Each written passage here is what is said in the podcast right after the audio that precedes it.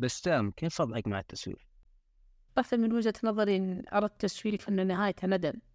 إذا كانت حياتك عبارة عن تسويف في تسويف فراح يزيد الندم ويؤدي إلى مشاكل صحية في البدن. يقول لك أهم دافع يقضي على التسويف هو الألم. متى ما وصل الألم الناتج عن التسويف إلى كمية ألم أعلى من ألم البدء بالتنفيذ هنا تكون الخطوة الأولى حاصلة حاصلة. فمثلا إذا عندك مهمة تسليمها بعد أسبوع وتحتاج بس ست ساعات متواصلة لإنجاز المهمة كل ما اقترب موعد التسليم ألم الخوف والقلق يرتفع حتى يصل لمرحلة إنه يتعدى ألم تعب البداية. هنا ينتهي التسويف هذه نشرة السبت.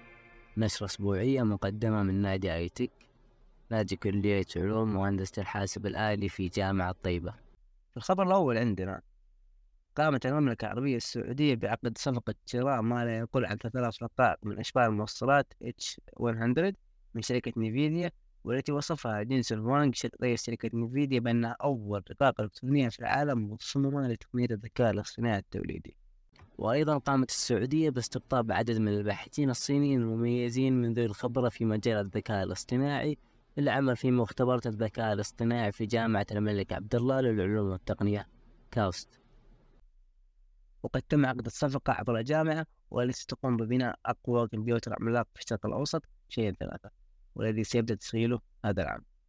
وستستخدم الجامعة هذه الرقائق لبناء نموذجها اللغوي الكبير الشبيه ببرنامج ChatGPT وفي الخبر الثاني ال FBI تحذر المستخدمين من قراءة ال QR code الموجود في المطاعم.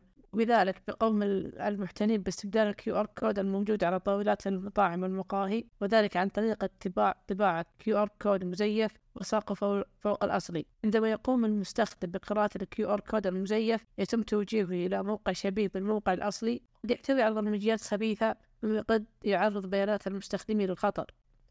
وفي الخبر الأخير عندنا لليوم ChatGPT الآن مسموح رسميا في المملكة العربية السعودية وتقدر تنشئ حساب برقمك السعودي. قدمت حلقة أنا سعد الحربي أنا بسام الحربي نشوفكم السبت الجاي.